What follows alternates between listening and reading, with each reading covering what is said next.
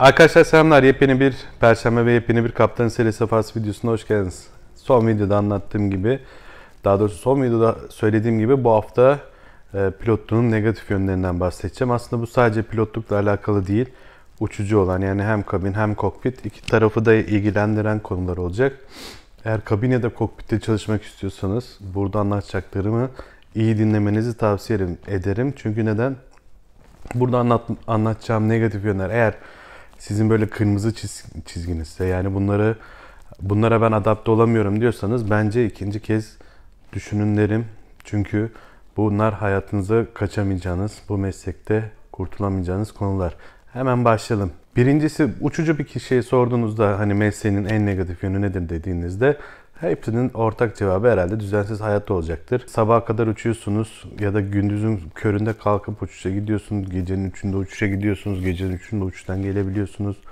Öyle zamanlar oluyor ki sabah 6'da geliyorsunuz. Ertesi gün sabah 6'da da tekrar uçuşa gidiyorsunuz. 24 saat istirahat ediyorsunuz. Çok ciddi şekilde vücudunuzu yap, yıpratacak element bu mev- meslekte mevcut. Uzun uçuşlara giderseniz eğer IR dediğimiz işte okyanus aşırı ya da işte uzak doğuya, Güney Afrika'ya gitmeye başladığınızda Güney, Güney Afrika çok bu konuda şey değil saat farkı olmadığı için kurtarıyor ama mesela Amerika'ya ya da uzak doğuya gittiğinizde saat farkından dolayı vücudunuz sapıtıyor. Ciddi anlamda sapıtıyor. Neden sapıtıyor?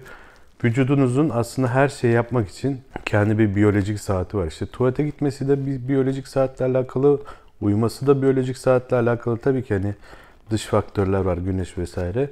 Ama biyolojik saati de oradaki dış faktörlere göre ayarlıyor vücut. Atıyorum işte e, gece 12'de ve sabah 8 arasında uyumak istiyor vücut. Ama siz o saatler arasında atıyorum sabah 8'inde e, iş anlamında performansınız en yüksek olması gereken anda olabiliyorsunuz. Nasıl oluyor bu? İşte işte sabaha kadar uçmuşsunuz artık alçalıyorsunuz. İstanbul'a iniş yapacaksınız. Kumandalar sizde.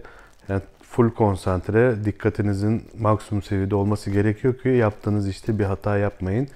Ee, güvenli bir şekilde gidip inişi gerçekleştirin. Yerlere gittiğinizde vücudunuzun tekrar o konuya dönmek gerekirse yerlere gittiğinizde vücudunuz o biyolojik saati sapıyor. Gidiyorsunuz oraya, vücudunuz diyor ki benim uyku saatim ama perdeyi açtığınızda mesela Amerika'da gündüz ya da uzak doğuda. Vücut diyor ki ulan saati şaşırdım herhalde. Şimdiki sa- bulunduğum bölgenin saatine adapte olayım. Oranın saatine göre uyku saatimi planlamaya çalışayım. Vücudun bu sefer dengesi bozuluyor. Adapte olduğu tüm sistem çöküyor ve o ardından tam oraya adapte olana kadar zaten böyle hani haftalarca kalmıyoruz. Bir gün, iki gün, belki üç gün kalıyoruz gittiğimiz yerde. Tam oraya adapte olmaya çalışırken bu sefer tekrar İstanbul'a dönüyor vücut. Bu sefer diyor ki, aa ilk alıştım saatlerde gece karanlık oluyor. O zaman ben hani o adaptasyon sürecini iptal edeyim, eski alıştığım sisteme döneyim falan derken böyle vücut ciddi anlamda yıpranabiliyor, ciddi anlamda çökebiliyor. O yüzden yediğinizde, içtiğinizde, sağlığınıza, üşütmeye vesaire çok dikkatli et, dikkat etmeniz gerekiyor mesleğiniz boyunca. Birincisi tabii ki işte düzensiz hayat. 8-5 çalışmıyorsunuz. Buna benzer başka bir örnekte bir arkadaşımın doğum günü vardı. O plan yapmıştık işte gidecektik bir konser vardı. Orada böyle loca falan ayarlamıştık. Eğlenecektik eller havaya falan filan. O gün de benim böyle akşamüstü bir tane uçuşum vardı. Bir aradılar, değiştirdiler. Uçuş işte akşamüstü değil de gece 12'de mi ne bitiyor. Yani işte 12'de bitecek eve geleceğim üstümü değiştireceğim oradan o falan yani yetişemeyecektim. Böyle belki haftalarca plan yapıyorsunuz, kuruyorsunuz, kuruyorsunuz ve bir anda iptal etmek zorunda kalabiliyorsunuz ya da en sevdiklerinizin iyi ya da kötü gününde yanında olamayabiliyorsunuz. Gittiniz işte atıyor mesela bir Ankara git gel yapacaksınız.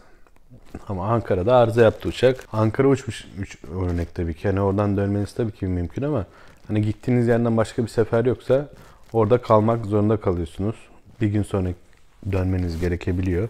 Nasıl oluyor? Mesela ben işte bir iki hafta, bir iki ay önce Kazan'a gittiğimde uçakta bir arıza oldu ve bu arıza için yeni bir parça gelmesi gerekti. O parçayı İstanbul'dan gel- geldi. İstanbul'daki tek, İstanbul Teknik'ten geldi. Ee, bir sonraki gün uçağıyla geldi. Biz yani normalde aslında git gel yap- yapmamız gerekirken 24 saat orada kalmak zorunda kaldık. E, gibi böyle hiç beklenmediğin durumlar olabiliyor. Yaptığınız planlar bozulabiliyor. Görüşmek istediğiniz arkadaşlarınızla görüşemiyorsunuz. Onlar gönül koyabiliyor. Düzensiz bir hayatınız oluyor ama bu düzensizlik için aslında kendinize bir düzen oluşturuyorsunuz zamanla. Nasıl oluyor? İşte yapacağınız işler mutlaka oluyor. İşte yani atıyorum bankada bir imza atmanız lazım. Ne bileyim devlet dairesinde işte bilmem ne ka evra almanız lazım falan filan. Mutlaka işleriniz oluyor. Hafta içi bunları ayırıyorsunuz. Ya da ne bileyim pazar günü herkes Boğaz'da kahvaltıya gider. Ama yani kahvaltı o kadar kalabalıktır ki kahvaltı yapıp eve dönene kadar trafikte harcadınız. İşte otoparktan arabayı çıkartana kadar harcadınız. Tüm zamanlarda eve döndüğünüzde tekrar acıkmış olursunuz ama biz mesela o tür böyle çok kalabalık olan ortamlara hafta içi gidiyoruz işte. Hafta içi Boğaz'a gittiğinizde çok rahat kahvaltı yapabiliyorsunuz. Ya da mesela fuarlar, festivaller falan. Onlar mesela hafta sonu hınca uçtuğudur. Eğer gerçekten ilginizi çeken bir fuar ya da festivalse neyse işte oraya biz hafta içi gidebiliyoruz. Nasıl oluyor? Atıyorum mesela Teknofest, Airex falan o tür fuarlara ben mesela hep sürekli hafta içi gidiyorum. Neden? Çünkü hafta içi çok daha rahat gezebiliyorsunuz. Çok daha fazla sizle ilgileniyorlar. Hafta sonu biraz daha kalabalık olduğu için e, tabii ki bu ilgi e, istediğiniz gibi olmuyor. Oradaki çalışanlar tarafından. Uçuculuğun bir diğer negatif yönü ise yaptığınız meslek aslında bir yıllık. Aldığınız lisansın süresi bir yıllık. Benim mesela lisansım pilot lisansım. Pilot lisansım 5 yıllık ama Boeing 737'de uçabilmem için verilen e, yetki bir yıllık. O yetkim Kasım'da bitiyor. Eğer sosyal medyada Instagram'dan takip ediyorsanız Kasım'ın böyle 10 küsürlerinde 15'i gibi falan simülatör re gittim. Simülatör kontrolüne girdim. Yılda biz 6 ayda bir simülatöre giriyoruz. Bu çok detayına girmeyeceğim. İki farklı simülatör oluyor. Birisi OPC, yanlış hatırlamıyorsam açılımı Operator Proficiency Check. Bir de LPC oluyor, e, License Proficiency Check. Yani lisansının tazelenmesi. İşte e, Kasım ayının ortalarında LPC kontrolüne girdim. Simülatörde ilgili e, arızalar yapıldı vesaire vesaire. İşte çok detaya girmeyeceğim. E, bunlar yapıldıktan sonra işte arkada bizi denetleyen hoca bizi uygun gördüğü için lisansımızı bir yıl daha uzattı. 2020 yılı Kasım'a kadar şu anda pilot lisansım açısından uçabilirim ama Aralık 2020'de uçar mıyım şu anda net değil. Neden net değil? İşte Kasım ayında geleceğim kontrollere bağlı. Kontrollerde başarısız olursanız tabii bunların prosedürü çok farklı. İşte bilgi eksikliğiniz varsa yer yani ders planlanabiliyor. Uçuşla ilgili bir sıkıntınız varsa onunla ilgili bir ekstra simülatör uçabiliyorsunuz ya da simülatör arıza yapabiliyor. Yani simülatör arıza yapabiliyor. Diyor ki hoca ben bununla kontrole girdim. Ya bu şu maddeleri yaptım ama bunları kontrol edemedim. O zaman o kontrol edilemeyen maddeler üzerinden tekrar simülatöre girebiliyorsunuz. Yani farklı farklı nedenleri var. Tabii ki kimse simülatörde başarısız olmasın ama zaman zaman ne yazık ki olabiliyor. O, o kötü durum gerçekleştikten sonra da işte ilgili prosedürler devreye giriyor ve siz başarılı olduktan sonra tekrar normal uçuşlarınıza devam edebiliyorsunuz. Ama tabii ki bu size neyi sağlıyor? Sürekli çalışmak zorunda kalıyorsunuz. Sürekli kendinizi geliştirmek zorunda kalıyorsunuz. Bu artı ya da eksi çalışıp sürekli hali hazırdaki duruma, nasıl diyeyim yani günümüzdeki koşullara adapte olmak konusunda kendinizi sürekli e, aktif tutuyorsunuz. Bu neye yarıyor? İşte yani işte teknoloji geliyor vesaire vesaire. Bunlara adaptasyonunuz da tabii ki bu meslek sayesinde biraz daha kolay oluyor. Yani işte dediğim gibi hani işte düzensiz hayatın da bir artıları var. İşte bunun da bir artısı var ama tabii ki bu size ciddi bir stres yüklüyor. Her işte Kasım ayında ister istemez insan bir biraz da olsa bir stres yaşıyor. Ulan ne olacak, ne bitecek vesaire. İşte arkada bir tane öğretmen sizi gözlemliyor. Bir hata yapıp mahcup olmamak istiyorsunuz. Elinizden gelen en iyisini yapmaya çalışıyorsunuz. O yüzden böyle işte simülatör öncesinde ufak tefek e, böyle stresler, gerilmeler yaşayabiliyorsunuz. Ama işte bittikten sonra ulan diyorsun ki ulan boşu boşuna yapmışız ama işte 2020'de yine yapacağız falan gibi böyle bir e, sürekli sarmal halinde dönen bir durum var. Cidden profesyonel olmanız, olmanız lazım. Cidden her zaman maksimum seviyede efor sarf etmeniz lazım sanki hiç bu işte bu işi yapmamış gibi her gün yeniden başlıyor olmanız lazım. Neden? İşte Sally filmini izlemişsinizdir. Adam işte 35-40 yıldır uçuyor. uçarken bir anda başına bir durum geliyor ve 40 yıllık meslek hayatı 200 küsür saniyeyle e, yargılanıyor aslında.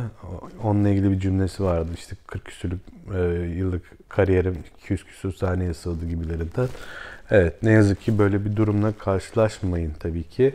Ama karşılaşırsanız da o güne kadar yaptığınız başarılar, doğru işler vesaire hiçbiri e, göz önüne alınmıyor. O gün yaptığınız hata sadece o günkü yaptığınız işlemler konusunda değerlendiriliyor. O yüzden tabii ki onlar böyle bir durumla karşılaşmak istemezlerdi. Böyle bir tercihleri olmadı ama Allah korusun böyle bir durumla karşılaştığınızda olabildiğince dinç, tabii ki bilgi konusunda eksik, eksiğinizin olmaması gerekiyor ki böyle uç bir durumda, başınıza gelebilecek bir ekstrem durumda o bilgiyi ve tabii ki kafanızın dinç olmasıyla beraber her şeyi bir araya getirip doğru sonuca varıp doğru şekilde uygulamanız gerekiyor. Sadece doğru karar vermek de değil, doğru şekilde uygulamak da çok önemli.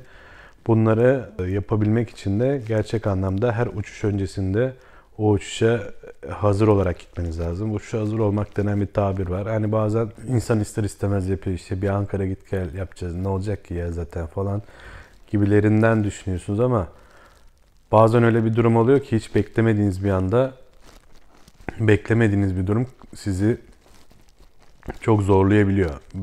Başıma gelen bir örnek yine Ankara. Yine böyle Ankara git gel bilsin bir an önce. İşte arkadaşlarla buluşacağım falan filan gibilerinden böyle düşünceler geçerken kafada Ankara'ya zaten kısacık uçuş böyle her şey çok hızlı ilerliyor. Ankara'ya alçalmaya başladık ve bize dedi ki işte düşük görüş operasyonu var. Düşük görüş operasyonunda bir sürü yapmanız gereken ekstra iş var. Kokpitteki iş yükü artıyor falan filan. Hani böyle bir an önce bitecek falan dediğiniz uçuş bir anda sizin böyle üstünüze gelmeye başlıyor. Size stres yüklemeye başlıyor. İşte orada dinç kalmak, e, doğru bilgiyle doğru işlemi yapmak lazım. Ki bu hani aslında çok böyle hani uç bir örnek değil. Her zaman başınıza gelebilecek bir şey. E, böyle çok şeyle karşılaşabiliyorsunuz. Bir yere gideceksiniz, bitecek. Artık diyorsunuz ki geldik. O anda bir arıza geliyor. O arızayla uğraşırken her şey üst üste geliyor falan filan gibi böyle bir sürü hikaye anlatılabilir. O yüzden dediğim gibi her uçuşa çok ciddi şekilde dinleniyor olmanız lazım. Çok ciddi şekilde hazırlık yapıyor olmanız lazım. Bu hazırlıklar sadece uyku anlamında değil ya da genel operasyon anlamında da değil. Örneğin mesela hangi ülkenin hava sahasında hangi prosedürü uygulamanız gerektiği ile alakalı farklı farklı dokümanlar var. Bunları okumanız lazım, bunları biliyor olmanız lazım. Yani Allah korusun ne zaman başınıza ne geleceğini bilmediğiniz için yerde %100 bilgiye sahip olacaksınız ki havada işte onun %70, %80'ini zaten anca uygulayabiliyorsunuz ama sıfır bilgiyle kalkıp sıfır bilgiyi uygulamak tabii ki çok büyük facialar e, yaratabilir. Çalışmanızı gerektiren bir meslek. E, sizlerin sürekli yeniliklere, hazırlık, yeniliklere adapte olmanızı isteyen bir meslek.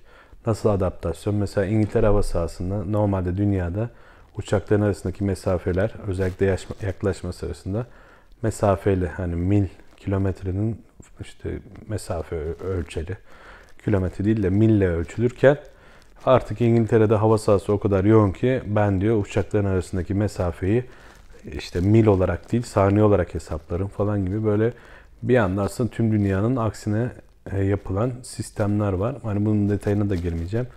E, oradaki trafiğin yoğunluğundan dolayı bu şekilde çalışmalar yapılabiliyor. Siz oraya bir gittiğinizde hiç alışmadığınız bir prosedüre adapte olmak zorundasınız. Ona da adapteyi nasıl sağlamanız lazım? Öncesinde konuyla ilgili çalışıp işte bilginizi arttırıp ondan sonra oraya gittiğinizde zaten kitapta böyleydi vesaire gibi hani kitapta yazanla gerçek hayatta uygulananları ölçüştürmeniz lazım. bir de tabii ki e, yani her yerde uyuyor olabilmeniz lazım. E, farklı farklı otellere gidiyorsunuz, farklı farklı ülkelere gidiyorsunuz. O ülkelerin kültürlerinin hepsi farklı. Ya da yine az önce bahsettiğim o uzun uçuşlar, yer uçuşları Amerika'ya da uzak doğuya gittiğinizde belli bir süre uçakta istirahat etmeniz gerekiyor. Bu zaten işte Uluslararası Sivil Havacılık Kanunu belli bir saat istirahat ediyorsunuz. Bir saat, iki saat, üç saat neyse işte o uçtaki ve şirketin prosedürlerine bağlı değişiyor. İşte o uçaktaki size ayrılan yerde işte kabinin ayrıdır, ko- kokpitin ayrıdır istirahat yerleri. Oralarda istirahat edebiliyor olmanız lazım. Gittiğiniz otellerde istirahat edebiliyor olmanız lazım. Sabah indiğinizde o istirahat edebiliyor olmanız lazım. Yani uyku konusunda hani uykuyu buldun, uyu modundaysanız daha doğrusu o modda değilseniz illa işte ben e, karanlık olacak, kendi yatağım olacak, işte pofidik yastığım olacak bilmem ne gibi böyle dertleriniz varsa gerçekten çok sıkıntı çekersiniz. Yani bu yatakla ilgili yine bir örnek anlatayım. Afrika'ya gittik. Yorucu bir uçuştu. Ondan sonra eee, şimdi şehrin ismini hatırlamıyorum ama böyle artık yorgunluktan kendimi yatağa bırakayım istedim. Otel de Çin oteliydi. Yani yatak tahtadan biraz daha yumuşaktı. İki gece kaldık orada. İki gece boyunca sırtımın ağrısından çünkü yatağa vurduktan sonra sırtım ağrıdı. O ağrıdan dolayı iki gün zehir gibi geçti.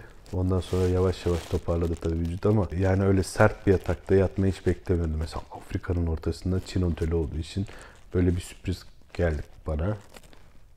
Olabiliyor. O yüzden hani dediğim gibi her türlü ortamda, her türlü farklı kültüre ait otellerde uyuyor olabilmeniz lazım. Biraz lafı uzattım kusura bakmayın. Bir sonraki videoda görüşmek üzere. Kaptanın Seri Safhası kanalına abone olun. Havacılıkla kalın, sevgiyle kalın.